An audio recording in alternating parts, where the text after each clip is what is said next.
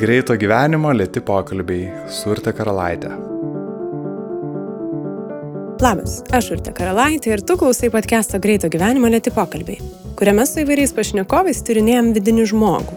Jei podcast'ą užklydai pirmą kartą, turi kur atsigriepti, nes tai jau 19 epizodas.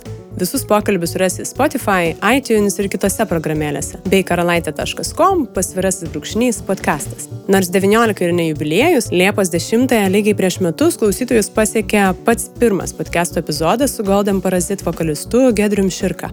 Taigi podcastas švenčia savo pirmą gimtadienį. Nors per šios metus jis tikrai blaškėsi ir klūpčiojo, dabar jaučiasi žymiai stabiliau. Epizodų perklausų skaičiai jau turi 3, o tuoj turės ir 4 nulius, Patreon remėjų būrys kasdien auga, podcastas turi nuostabių partnerių, kurie padeda gerinti kokybę. Visą tai man yra be galo didelis palaikymas. Nes be to, iš vis neaišku, ar būčiau visus metus viena pavariusi. Dabar jaučiu, kad aš esu ne viena. Tai ačiū visiems, kurie klausė, dalinosi, prisidėjo finansiškai, pasako draugams ar tiesiog gerą mintim palidėjo.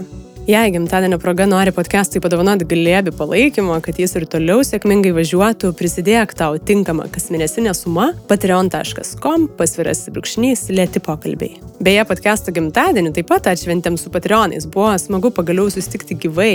Šį kartą prie podcast'ų draugų būrę prisijungė Algirdas Pukis, Lina Višniauskaitė, Mata Šiupšinskas, Kristinas Vidarskaitė ir Mindaugas Kodys. O pokalbių garso kokybė, kaip visada, rūpinasi garso reklamos studija Drop Audio. Podcastas dar gavo nuostabią gimtadienio dovaną. Pagaliau jis įrašomas profesionaliai, o už tai dėkoju Vilniaus universiteto radio stočiai Start FM. Tai nepelno siekianti radio stotis, kurios gali klausyti Vilniuje FM dažniu 94,2 arba internete adresu startfm.lt. Tai ačiū visiems, be kurių podcastas niekaip negalėtų judėti pirmin. O gimtadieninėme epizode kalbuosi su kino režisieriumi, scenaristu Tadu Vidmantu. Prisipažinsiu, tada kviečiu pasikalbėti ne dėl savo nuopelnų kinui, nes su šia dalimi nesu pakankamai susipažinusi. Mane tada stebina savo šviesa ir lengvumu. Todėl man ir pasidarė apsmalsu patirinėti, kaipgi tas žmogus veikia. Tai lengvo klausimo. Tai labas, Tadai. Labas.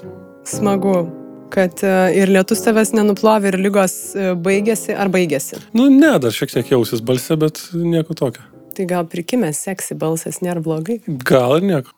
Man patiko e, momentas čia, kad, e, kad tu atsakingai savo sveikatą pražiūrėjai.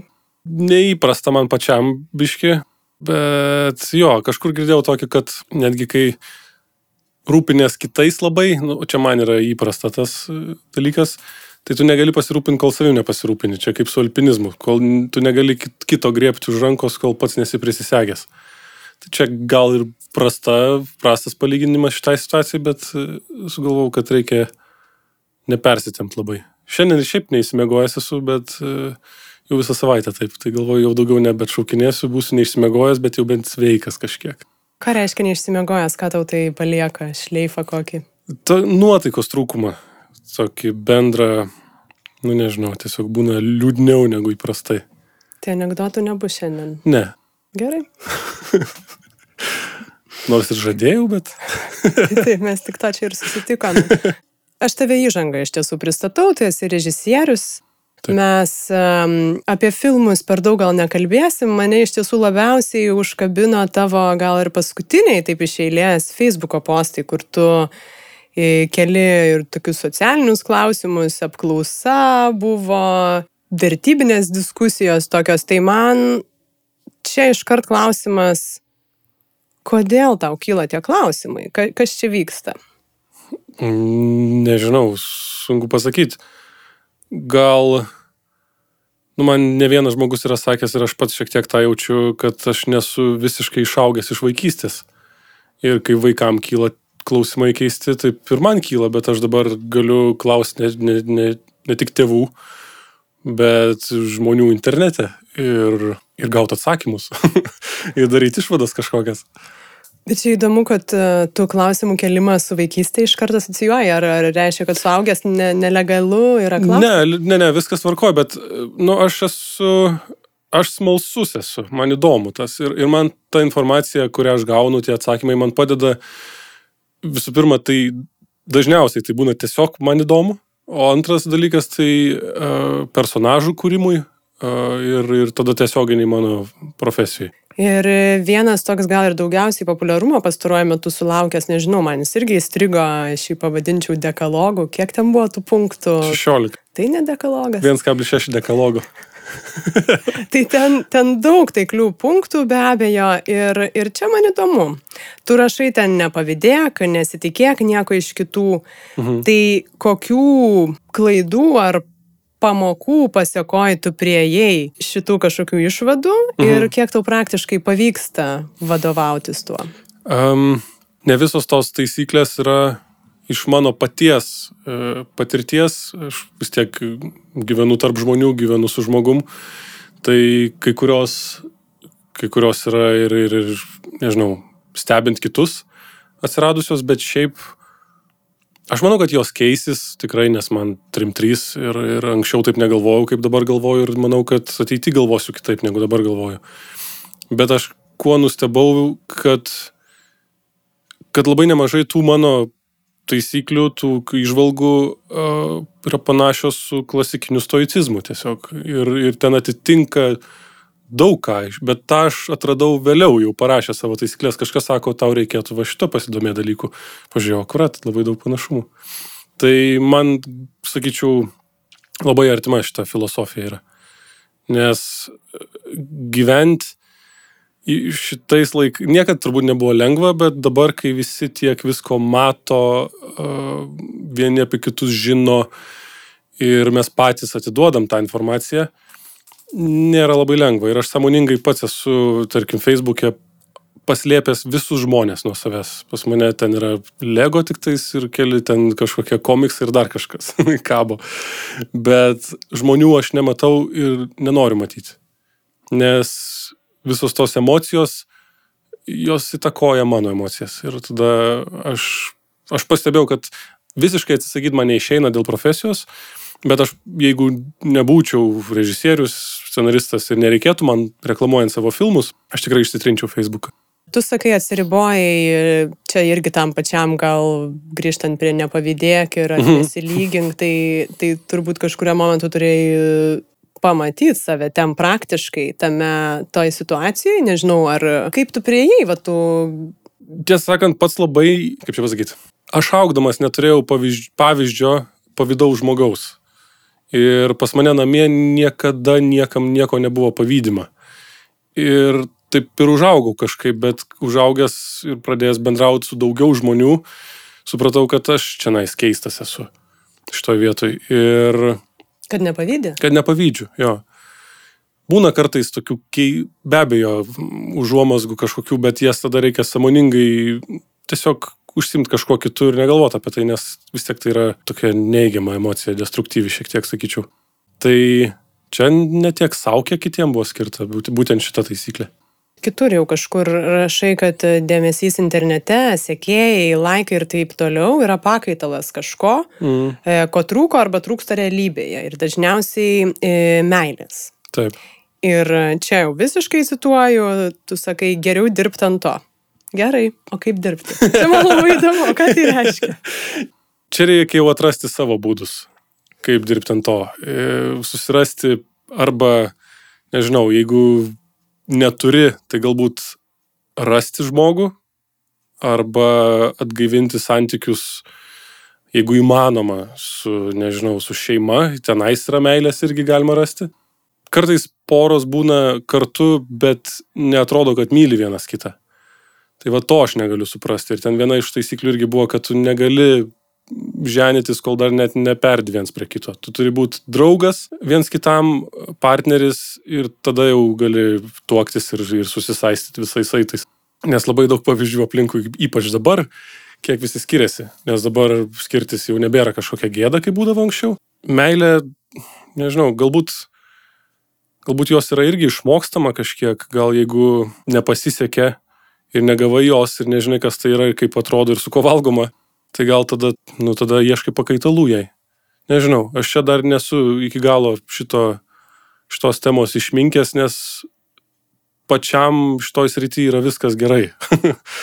tu neturi pateikti teisingų atsakymų. Manau, kad taip, net neturiu. Mes čia susirinkom padiskutuoti ir pamastyti turbūt. Tai viskas, e, jo, viskas tvarkoj. Man įdomu tik tai, va, tu kalbė apie šeimą, santoką, kad žmonės yra kartu, nemyli vienas kito.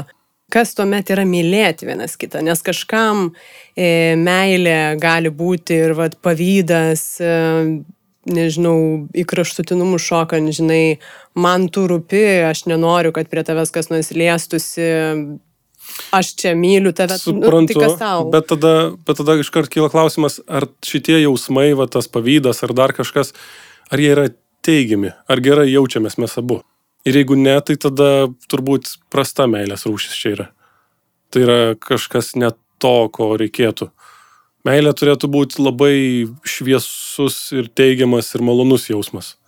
Turėtų būti taip, kad sutinki žmogų, prabundi šalia jo ryte ir tu jauties gerai, labai gerai prie jo jauties, geriau negu vienas. Aišku, nori kartais pailsėti nuo jo ir vienas pabūni, bet kai susitinki, jau vėl būni pasilgęs. Ir taip 70 metų? Kad ir, jo. Peršoksiu, aš pavadinau, kad skirybos dabar jau yra legalios ir emociškai, tai ką Mhm. tu ir pasakei, kad, na, jau kaip ir primta, ar ne, kad aplink mus jau tai nebėra kažkokia didžiausia nuodėmė, Taip. E, bet tai vis tiek nėra faina. Nesvarbu, ar jau čia kalbam apie santoką ir skirybas, ar, ar kažkokius santykius skirybas. Tai atneša neigiamas emocijas, mažiau ar daugiau jų. Todėl e, yra žmonių, kurie renkasi tuomet nesirišti jokį santyki, porą šeimas, kažkokius vienetus, vien dėl to, kad išvengti. Ir Kad nereiktų skirtis. Čia aš taip visiškai leidau savo tokią prielaidą padaryti. Kaip tu žiūri į amžinai laisvus santykius? Jeigu tai teikia laimės, neturiu jokios kažkokios tai radikalios nuomonės šio klausimu. Jeigu, jeigu žmogui gerai, jeigu jisai tuo, būdamas toks niekam nekenkia, jokio skirtumo. Čia tam tikrą prasme galima išvelgti ir um, atsakomybės tam tikrą. Vengimą? Mhm. Galbūt, jo, jo.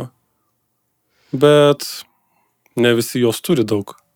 Nenori turėti. Nenori turėti, gal Nes- neturi galimybių ją tokią išlaikyti atsakomybę ant savo pečių. Tai viskas varkoja. Manau, tai kartais gal taip net yra geriau, negu būti santykiuose, kurie nedžiugina tavęs ir partnerio. Bet tas tam tikras e, vengimas atsakomybės, e, nebūtinai santykiuose, plačiau žiūrint, nes be abejo, pripažinti savo, nežinau, klaidą vienur ar kitur Mhm. nebūtinai lengva. Ir, Manau, ir kuo, dažniausiai sunku yra. Jo, kuo labiau vengi, taip. Tuo labiau įsipainioji tam tikrą, kad tai aš nesu ir nenoriu būti už nieką atsakinga. Ne, Taip, taip, sutinku. Tai jo. to, ta, to rizika gal čia atsiranda. Čia aš kažkaip lenkiu prie savo pamastymų. Pasakyk ne. Čia tokia terapija iš abiejų pusių vyksta dabar, ne? Ne, ne, bet aš ne, netempiu čia prie savo kažkokių situacijų, bet prie savo požiūrį. Dar noriu grįžti prie tos apklausos apie šeimas, kur tu darai mhm. Facebook'e. Gal tu gali pats trumpai vardinti, ką tu ten bandai išsiaiškinti ir būtent šitie klausimai, kodėl tau kilo visgi, nu, ten gana siaura yra. Jo, aš dabar tiksliai neatsimenu visų klausimų, kuriuos uždaviau, bet man įdomiausia buvo sužinoti, kiek žmonių yra gimę netyčia ir pasirodo trečdalis. Kas trečias žmogus yra ant šios žemės visiškai netyčia, jo nieks neplanavo. ir man tas yra stipru ir, ir čia įdomu šiaip labai. Dar ką sužinau, jeigu šeimoje vienas iš tėvų miršta, tai dažniausiai tai yra tėvas. Ir neretai tai savižudybė yra priežastis, dažnai širdies lygos, bet kažkaip tai šitą statistiką aš visai suprantu.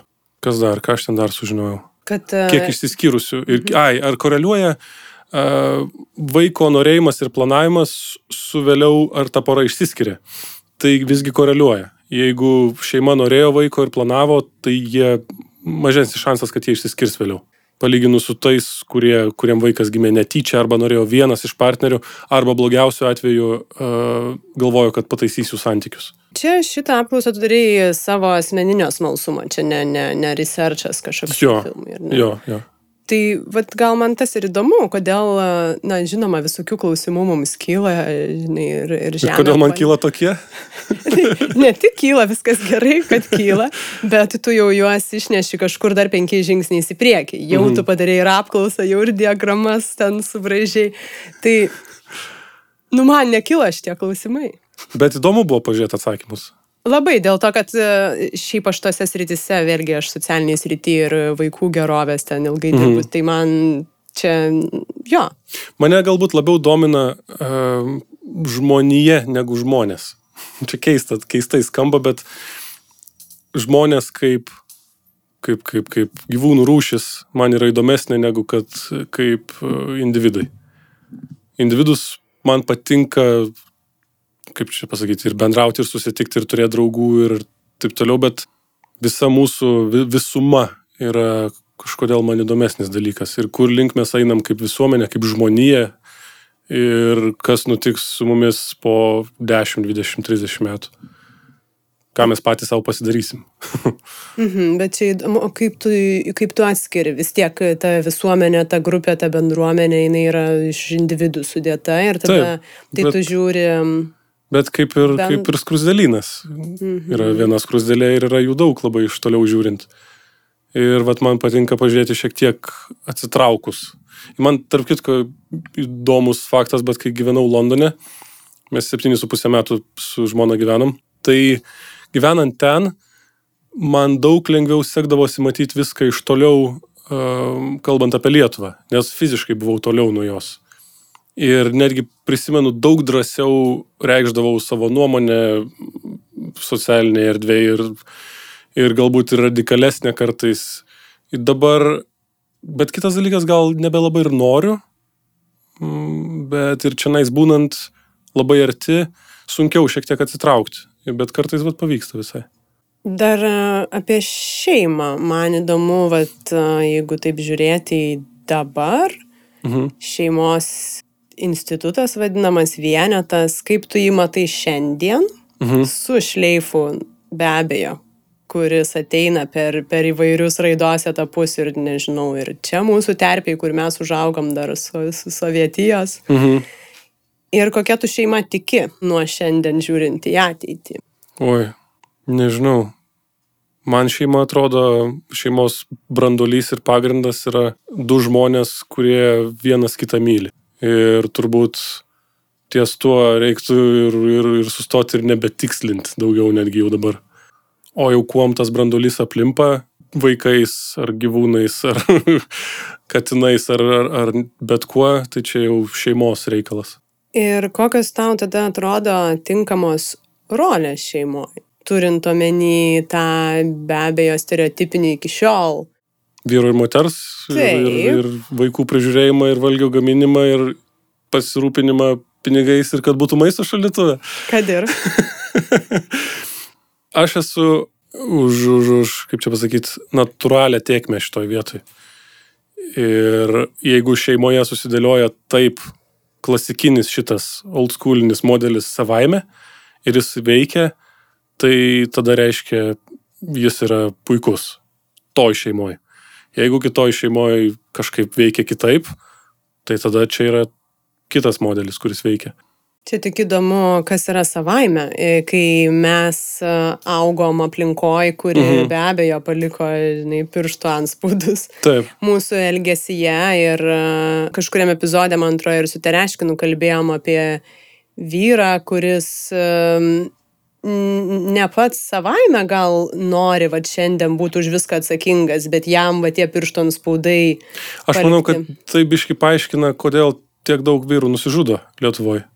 Ir kodėl, vat, kai sakiau, vienas iš partnerių miršta, tai dažniau yra vyras, arba dėl širdies lygų, kurios yra nuo streso dažniausiai, arba tiesiog nebeištveria.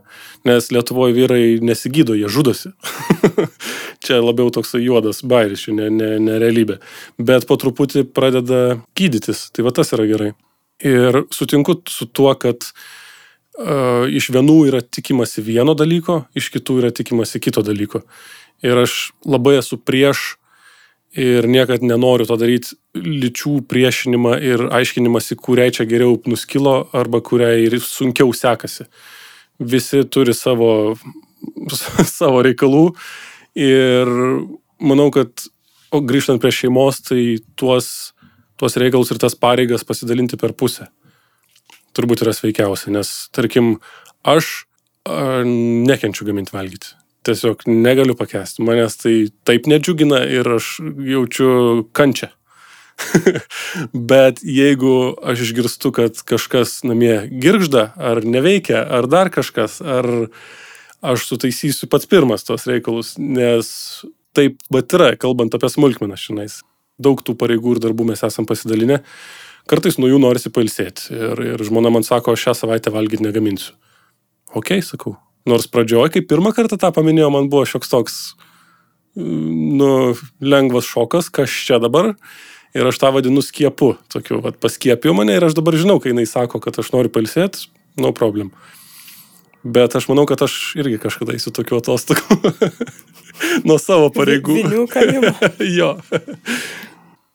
Paminėjai, kad va ta vyro suformuota tokia rolė. Mhm galbūt e, yra priežastis savižudybių skaičiaus Lietuvoje? Nemanau, kad pati rolė, bet būtent tas, gal tiesiog ne kiekvienas ištveria tą atsakomybių kiekį, tą, tą svorį. Vis tiek visi, visi žmonės ir, ir logiška, kad ne kiekvienas gali ištverti. Jeigu jisai neina kažkokios pagalbos, ne, visų pirma, neprašo kažkieno pagalbos, nesisako niekam, tai tada taip, tada tai turėtų būti labai sunku. O tavo paties e, santykis su va, to stipraus e, vyro ir viską nešančio ir galinčio vizija ir kaip jisai keitėsi galbūt, nežinau, ir per paauglystės. Nu dabar viskas keičiasi. Dabar, dabar yra ok vyrui verkti, o moteriai įmonę valdyti. Čia taip labai supaprastinės kalbu. Ir manau, kad stiprus tiek vyras, tiek moteris yra tas, kuris pirmiausia atsakingas už save, sugeba padėti kitam. Nežinau, čia daug turbūt tų savybių galima būtų sudėti, bet tas stipraus vyro savoka irgi šiek tiek keičiasi. Ir man stiprus vyras yra tas, kuriam, kuris neturi būti alfa, alfa patinas, kuriam reikia rodyti kažką. Nes tai vėlgi su tais įrodinėjimais yra kažka, kažko kompensavimas, man atrodo jeigu tai yra natūralu labai, ir, bet vis tiek pasigilinus atrastum turbūt, kodėl taip vyras daro. Ir kada jisai pavargs ir kada sustos jo mašina. Aš norėjau sakyti, turėjau, bet iš tebe turiu labai gerą tėvą. Jisai ir mano žmona yra mano idealai. Du žmonės, į kuriuos aš lygiuojos. Ne kažkokie Stevenas Spielbergas, bet va šitie du. Ir jisai buvo at labai ta klasikinė prasme labai stoiškas žmogus. Jam niekad nerūpėjo niekieno nuomonė apie jį, jisai niekam nieko nepavydėjo, jisai dabar sensta laimingas žmogus būdamas. Aišku, su įvairiais ten pakilimais ir nuosmukiais mažais, bet tai jisai buvo visą laiką tas, tas stiprus vyras. Man labai patikdavo jo auklėjimo taktikos ir būdai, kad vietoj to, kad, pavyzdžiui, kažką man prisidirbus e, baustų ar aiškintų, kaip reikia daryti ar kaip nereikia daryti, jis leisdavo man pačiam suprasti savo klaidą. Aš manau, kad tai buvo daug geriau negu kad uh, kai mano draugų tėvai, kurie iš, neišleisdavo iš namų, paskui nubausdavo ten, liepdavo daryti kažką už kažką. Nes tada atsiranda trintis tarp sunaus ir tėvo ir, ir vėliau tikrai tas atsiliepia. Man šitoje vietoje labai labai pasisekė ir aš, kaip ir sakiau, noriu būti kaip jisai, bandau būti, šiek tiek esu, nors ne iki galo, nes esu šiek tiek daugiau neurotikas dar, dar vis. Ir dar krikščionybė be abejo paliko savo vertybės. Ko gero, jo, jo. Atnešta jo. šeimai, pavyzdžiui, ištikimybė ir atsidavimas iki mirtis išskirs, kas galbūt mano visiškai primesta jau čia, pataikauja ir mūsų savininkiškam ego. Mhm. Kaip tu adaptuoji šitas vertybės, su kurio mes užaugom, ar labai religingoje, ar nelabai religingoje aplinkoje, vis tiek daug maž, manau, mūsų mhm. visuomeniai jos buvo įprastos, ar kaip tu galbūt savas kažkokias kuri? Aš manau, kad tas tas krikščioniškas vertybės, tas tikrasias, jos išsigrynina su amžium, bet kai yra galimybė galbūt visai kartais sveika patikrinti jų ribas. Nes jeigu to nepadarai, kai galėjai padaryti, paskui galbūt gailėsies arba norėsi padaryti, kai jau bus per vėlų tą daryti. Ir tada atsiranda vat, nemažai turbūt skirybų ir būna dėl to, kad tiesiog vienas iš partnerių sugalvojo, kad e, dabar jam laikas yra lakstyti. Nežinau kodėl, nes dabar galbūt dėmesio daugiau susilaukia iš priešingos lyties. Nežinau, aš tas savininkiškumas, kažkaip mes su, su žmona turbūt labai stipriai nejaučiam šito jausmo. Uh, jis yra be abejo kažkiek, nes vis tiek tai yra turbūt labai primityvus, labai žmogiškas, bet mes kai galėjom pasitikrinom anksčiau, čia gerokai anksčiau. Bet tu turi omeny, nes tu sakai, kad pasitikrintas ribas ar ne anksčiau, tai ką tai reiškia išsilakstyti, kai tau 15, 23, kokias čia? Maždaug, maždaug, jo. Turiu omeny iki santokos išsilakstai ir po to jau uždarai visas duris. Ir ne tai, kad tą padarai savaime, bet tiesiog taip norisi. Ir vat geriausia turbūt yra, kai taip savaime norisi ir taip savaime susiklosto. O jeigu santykių, vėlgi žiūrint į tą 70 metų kartu, Mhm. Banguoja tie santykiai, natūralu, jau turbūt e, seniai visi supratom, kad nėra ten viskas e, karšta meilė, Be abejo, ne. e, nežinau, vienodam lygyje. Taip, ir kažkur pakeliui vat, atrodo, kad nebeužtenka. Arba, mhm. arba vat, ką tu vadini lakstimu, žinai, vat, dabar kažkas gal nori lakstyti. O ką padarysi? Ne. Aš, nieko, aš nežinau, kaip man bus, nežinau, kaip mm, bus bet kuriam kitam. Turbūt svarbu yra labai kalbėtis poroje apie tai. Ir kartais suprasti savo partnerį ir, ir vien dėl to, kad tu esi su juo ir jį myli, jam atleisti už kart, kartėm supsichavimus, va tokius. O tavo santykis bendrai su ego? Koks yra ir kur jisai galbūt pasirodo? Nu, Mes dabar čia jau apie santykius ir šeimą, bet gal ir plačiau pažiūrėti. Aš manau, dabar jisai yra gerokai sveikesnis ir natūralesnis negu buvo prieš kokius penkis metus. Padėjo daug labai savišvietą ir, ir, ir terapiją, nes anksčiau buvo tikrai pačiam nefaina. Save taip suvokti, kaip aš suvokdavau. Ir suprasdavau, kad ir, ir santykiams tai trukdo, ir Linas sakydavo ne kartą, ir aš galvodavau, kame reikalas, ir ką aš blogai darau. Bet kai supratau, kad visgi aš kaž, kažkas pas mane yra negerai, ir pradėjau statvarkytis, pagerėjo mums abiems. Daug įvairių patirčių ir, ir, ir, ir kažkokių kitų žmonių girdėtų minčių ir knygų perskaitytų padėjo biškai apsišlifuoti šitą dalyką. O kas buvo, čia vėl gal grįžtant ir prie tų atsakomybių, sutikai, kad vat, pripažinti ir prisimti atsakomybę, kad ir šiuo atveju už kažkokį elgesį galbūt, kas mhm. čia buvo sunkiausia? Sunku, konkrečiai mano atveju, tai tas, kad pripažindamas savo klaidą, aš pripažindavau, kad aš esu netobulas. Ir čia vad buvo mano, ir šiek tiek dar tebėra kartais mano kryžius, kurį aš nešu, tai tas, kad aš turiu būti visiems visą laiką tobulas.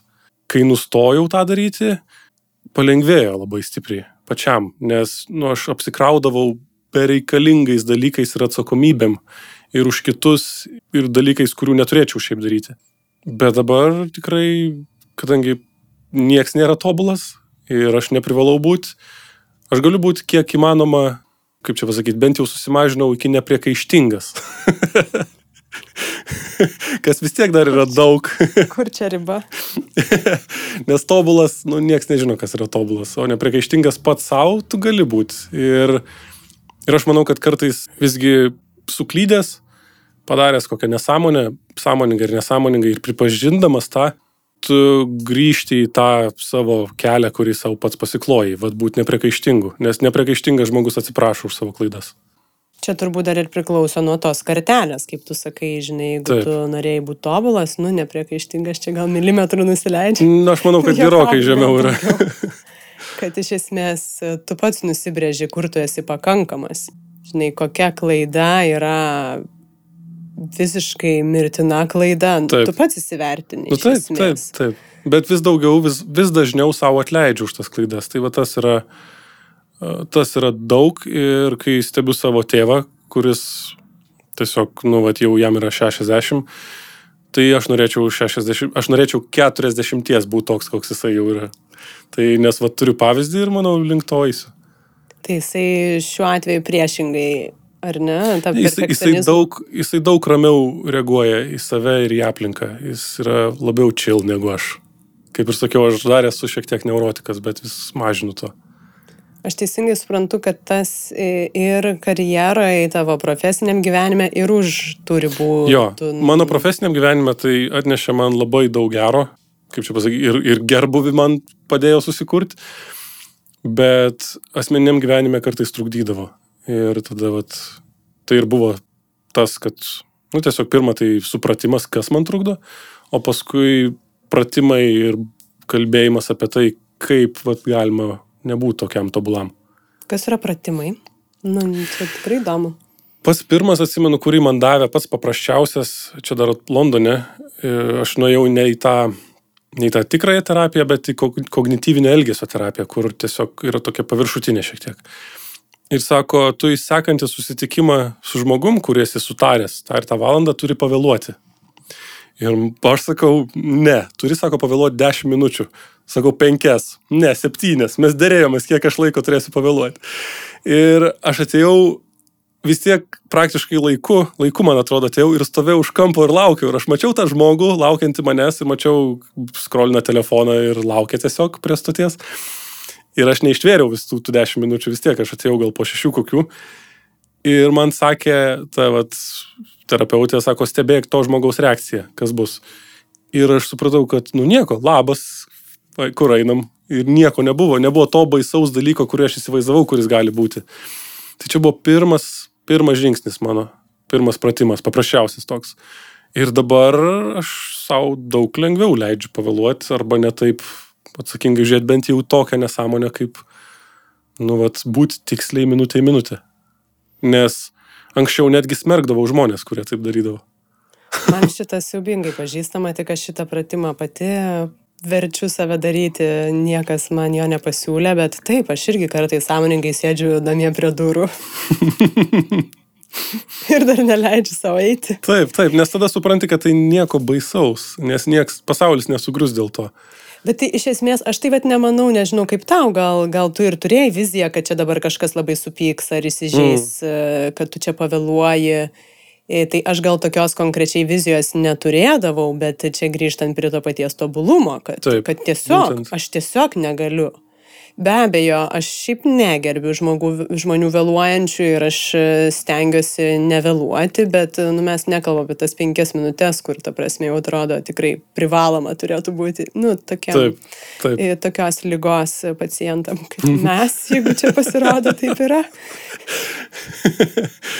Bet tu paminėjai dar karjeroj, kad tai atnešė gero. Taip, tikrai. Nes aš niekada nevėluodavau jokius deadline'us, e, kai reikėdavo klientui nusiųsti kažkokį tai darbą. Aš padarydavau jį gerokai anksčiau ir aš specialiai kelias dienas laukdavau prieš išsiųsdamas, kad jisai turėtų mažiau laiko kabinėtis prie smulkmenų. Kartais taip darydavau netgi. Ir galų galę darant filmus, aš savo scenarius perrašydavau ir perrašau vis dar iki tiek, kad nebebūtų visiškai ką išmesti. Ne, vi- kiekvienas žodis turi būti tenais. Ir tai yra minimum žodžių skaičius, kuriuo aš galiu perteikti tai, ką noriu perteikti. Nes žmonės taip kalba, jie retai kada tuščia žodžiauja. Kur dar montuojant irgi savo paties kūrinius, kiekvienas kadras, kiekvienas momentas turi būti ten, kur jo vieta. Ir čia susiveda į tą, vėlgi tą tobulumo ir neprikaištingumo paieškas, bet savo darbe aš manau šitą aš paliksiu tikrai, nes ir būtent ir bendravime su žmonėmis, kuriais dirbu, filmavimo aikšteliai, aš iš jų, aš niekada nesakau to, bet aš matau, kaip jie stengiasi patys. Ir tada prisimenu savo tėvo taktiką, kuris man niekada nesakydavo ir manęs nebausdavo, bet tiesiog rodydavo pavyzdį. Ir dėl to paskutinį filmą tai buvo iš vis fantastiška komanda, kuri dirbo puikiai visi. Ir gavosi vėl fainas filmas, kurį paleisim spalio mėnesį. Tu dar minėjai, kad gerai montuojant pavyzdį dėlioji, kad būtinai ten toj vietoje atsirastų, kur ir turi atsirasti, bet Taip. Čia, nežinau, gal aš kitaip įsivaizduoju, bet tos vietos, vat, norint ištobulinti tą kažkokį tai produktą, galima ieškoti labai ilgai. Vėlgi kaip iki scenarijaus, kai nebeturi kur pastumti ir pasukti jau rankinėlių ir to kadro, reiškia, tu esi jau ten, kur turi būti. Aš visą laiką kvestionuoju, ar šitas e, kadrų pasikeitimas yra čia, kur turi būti. Ir aš pastumiu pirmin, pastumiu atgal, šiek tiek pajudinu, ne visgi buvo ten, kur, kur reikia. Čia tai aš turiu nuostabų pavyzdį iš savo podcast'o istorijos, kur e, aš absoliučiai nemokėjau montuoti. Absoliučiai. Tai be abejo, pradžioje užtrukdavo labai labai daug laiko, Mhm. bet antrą epizodą aš iškirpau visus įkvėpimus. ir kaip skambėjo, Šiaip tai gerai. netrūksta niekam tų atsikvėpimų. Tai Tame, nu kaip, tai niekam netrūksta, niekas ir nepastebėjo, kad jie buvo. tai be abejo. Šiaip jau, Taip. be manęs. Tai čia aš tai esu labai dėkinga savo draugiai e, garsistai, kuriai aš paminėjau šitą bajariuką ir jinai žiūrėjo mane tokiam didžiuliam akim ir sakė, tu žinai, kad nėra kelio atgal. Ir aš tada supratau, kad tai reiškia, tai prie to epizodo be abejo aš sėdėjau nežinau ten kiek ir nu, tai čia kalbame ne apie kažkokį, žinai, storyline dėliojimą, kaip čia tobuliau, o žinai, nu, Taip. techninio darbo, žiauraus. Taip. Ir aš supratau, kad aš ne, aš nenoriu taip. Mm. Ir tai buvo labai gera pamoka. Tai dabar aš taip, kai sutinku tą įkvėpimą, aš taip e, rankas tik patraukti. nu, ten išskyrus ten kažkokius ten garsesnius, ilgesnius, bet e, jo, čia buvo geras pratimas irgi toks, kur prigauni save visiškam dugne. Ta prasme, jau čia, tai žemiau nebėr kur dėtis. Dar keletą kartų jau tu minėjai e, interviu įvairiuose Kill them with kindness. Tai čia ir apie komentatorius įvairius. Man patiko tas momentas, kur tu e, heiteriam bilietus, kvietimus į filmą, ten kažkaip tai buvo, ar ne? Taip. Siūliai. Čia, kaip prieėjai prie šito pasirinkimo, čia ir su ego galima, žinai, paieškoti santykio. Gal čia, nežinau, perlipti kažkaip per save irgi reikia, nes šiaip Reikia. norisi ginti save galbūt. Jo, mano pirmas gynybinis ginklas visą laiką būdavo sarkazmas. Kai supratau, kad ir tas sarkazmas, jis yra gynybinis ginklas, kartais ir polimui galima naudoti, bet tai yra kažkaip, nu vis tiek, humoras yra taip, ok, bet sarkazmas reikia jį labai žiūrėti, kur ir kada jį naudoti, manau. Nors man labai sekdavosi su juo visą laiką ir tu tada renkiesi, ar tu tiesiog pradžiuginsi kelis, kelis žiūrovus viso to, visos tos e, interakcijos, kurie stebi tave, ar, ar geriau pasirinkti pradžiuginti tą žmogų, kuris kažką blogo apie tave pasakė ir, ir jam šiek tiek sudrebinti jo pasaulėlį, nes jisai niekada žmonės nesako kažko neigiamo labai ar pikto, neturėdami tam vidinių kažkokių priežasčių. Ir man užtruko laiko suprasti, kad aš nesu to priežastis. Tiesiog aš jam pasitaikiau dabar vat, po akim. Jeigu jis būtų atsidaręs naujienų portalą, kažkokia antraštė jam užkliūtų, jisai tu ten palikti savo nuomonę. Ir labai daug jų ten paliekama yra. Ir kažkur girdėjau, kad tai komentarų sekcijos, jeigu jos dinktų, tai gali būti, kad nesavižudybių padaugėtų Lietuvoje, nes tiesiog žmonės išlieja ten save šiek tiek. Kai supratau, kad tai nėra apie mane, tada palengvėjo labai stipriai. Ir aš galvojau, kodėl tada nesuteikti jam tam pikčiurnai kažkokio džiaugsmo šiek tiek.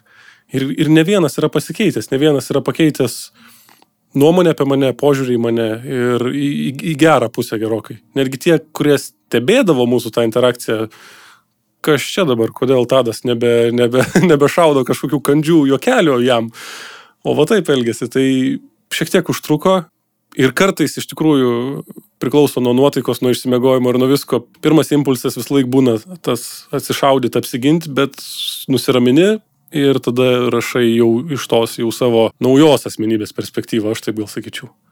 Ką apginti čia įdomu, e, kas, kas čia...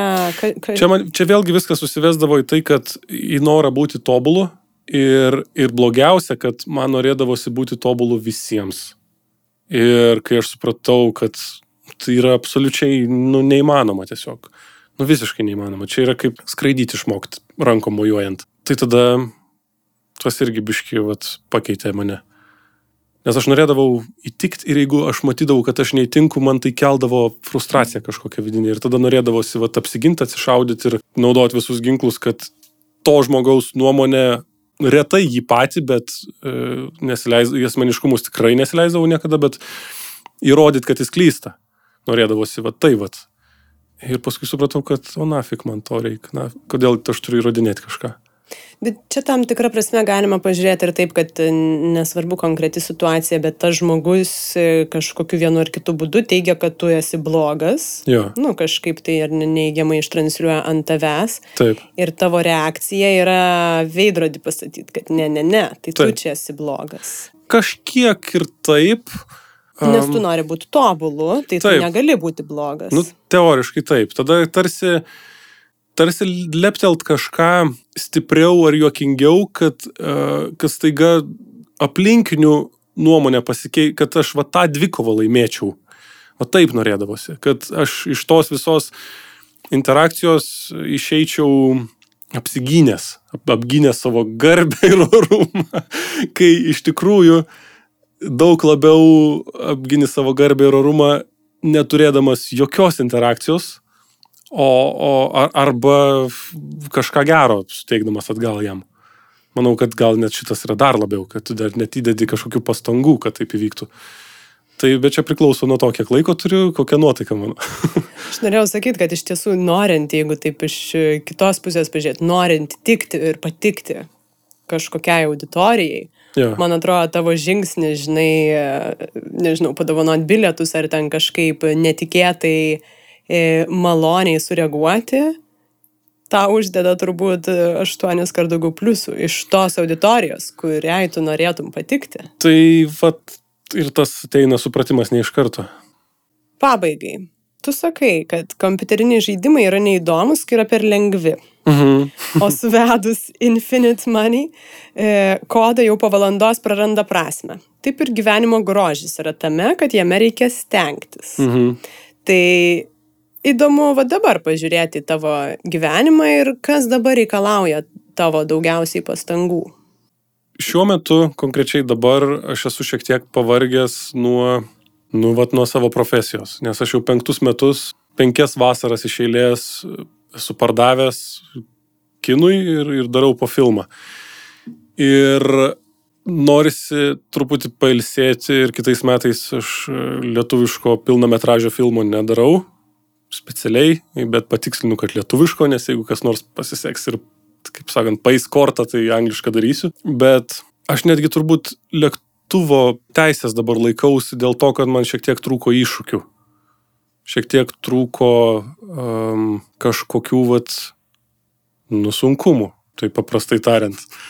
Nes mokytis kristi ir nenukristi ir nusileisti yra ką veikti. Ir aš tą valandą, kol skraidau, aš ir pailsiu nuo savo visų ir nuo asmeninio gyvenimo, ir nuo profesinio gyvenimo. Tai ta valanda yra skirta tik tais man.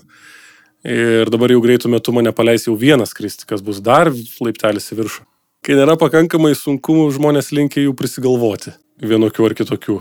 Tai manau, kad aš nesu jokia išimtis šitoj vietoj, e, bet aš juos išsigalvoju tokius, kurie būtų kažkaip smagus ir kažkaip vis tiek atsiriamia į didelės atsakomybės, kuriuo aš nebijau ir netgi visai mėgstu.